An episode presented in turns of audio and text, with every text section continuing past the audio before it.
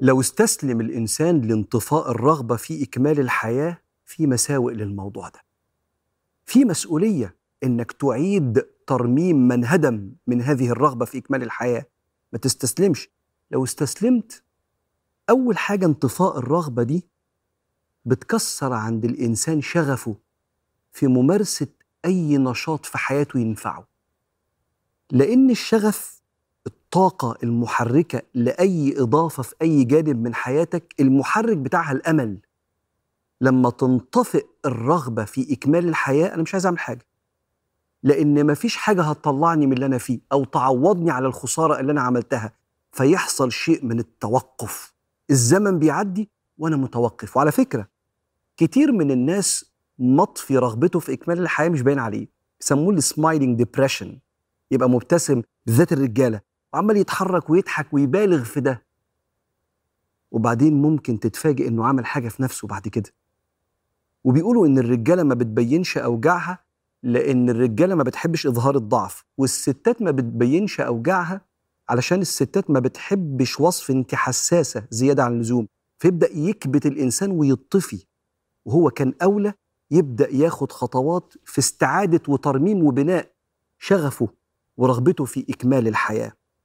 إذا اشتملت على اليأس القلوب وضاق بها الصدر الرحيب وأوطنت المكاره واطمأنت وأرسلت في أماكنها الخطوب هشرح لك دلوقتي ولم تر لانكشاف الضر وجها ولا أغنى بحيلته الأريب أتاك على قنوط منك غوث يمن به اللطيف المستجيب.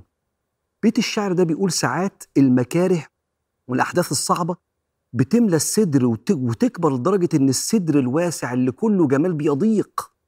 وبعدين المكاره دي أو الأحداث الصعبة أو الفقد ده بيتوطن في الصدر كده ويبدأ يرسل أفكار في كل حتة في قلبك تفكيرك وعقلك فتحس إن في حاجة كبيرة كده بتستحوذ عليك.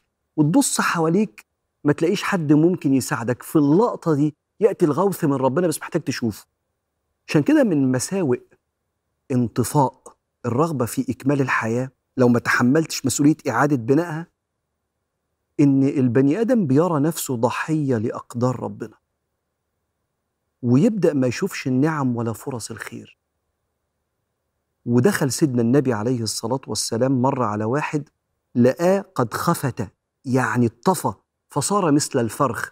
عمرك شفت طائر عيان رفع كده وريشه وقع؟ فقال مالك النبي بيقول له النبي عارف. قال مالك هل دعوت على نفسك بشيء؟ قال نعم. قلت يا ربي إن كنت معاقبي في الآخرة فعجل عقاب ذنبي في الدنيا. قال لا تدعو بذلك. لماذا لا تدعو بربنا آتنا في الدنيا حسنة وفي الآخرة حسنة وقنا عذاب النار؟ بتعرف نفسك كده ليه؟ ما تدعي إن ربنا يسامحك ويغفر لك وبسم الله تكمل حياتك بعد عار الذنب أو بعد الوجع اللي أصابك. من ضمن المساوئ اللي ممكن تصيب بني آدم استسلم لانطفاء الرغبة في إكمال الحياة إنه يقدم على الانتحار.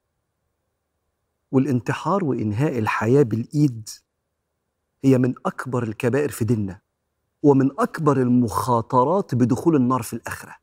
وقال صلى الله عليه وسلم لا يتمنين أحدكم الموت لضر نزل به. فإن كان داعيا فليدعو. اللهم أحيني ما علمت الحياة خيرا لي. لو لسه في خير يا رب وفي رزق احييني واكرمني. وتوفني ما علمت الوفاة خيرا لي. مخاطرة كبيرة جدا. بالمناسبة اللي بيحاول الانتحار أكتر في العدد الستات لكن اللي بينفذ وبيخلص أكتر الرجالة لعنفهم في المسألة دي. مخاطرة كبيرة جدا. وهنا لازم تقف مع نفسك. لو حسيت بانطفاء هذه الرغبة في إكمال الحياة محتاج إن أنت تعيد بناء هذه الرغبة. دي مسؤوليتك أمام نفسك وأمام ربك ويقينا مدد وعون ربنا معاك.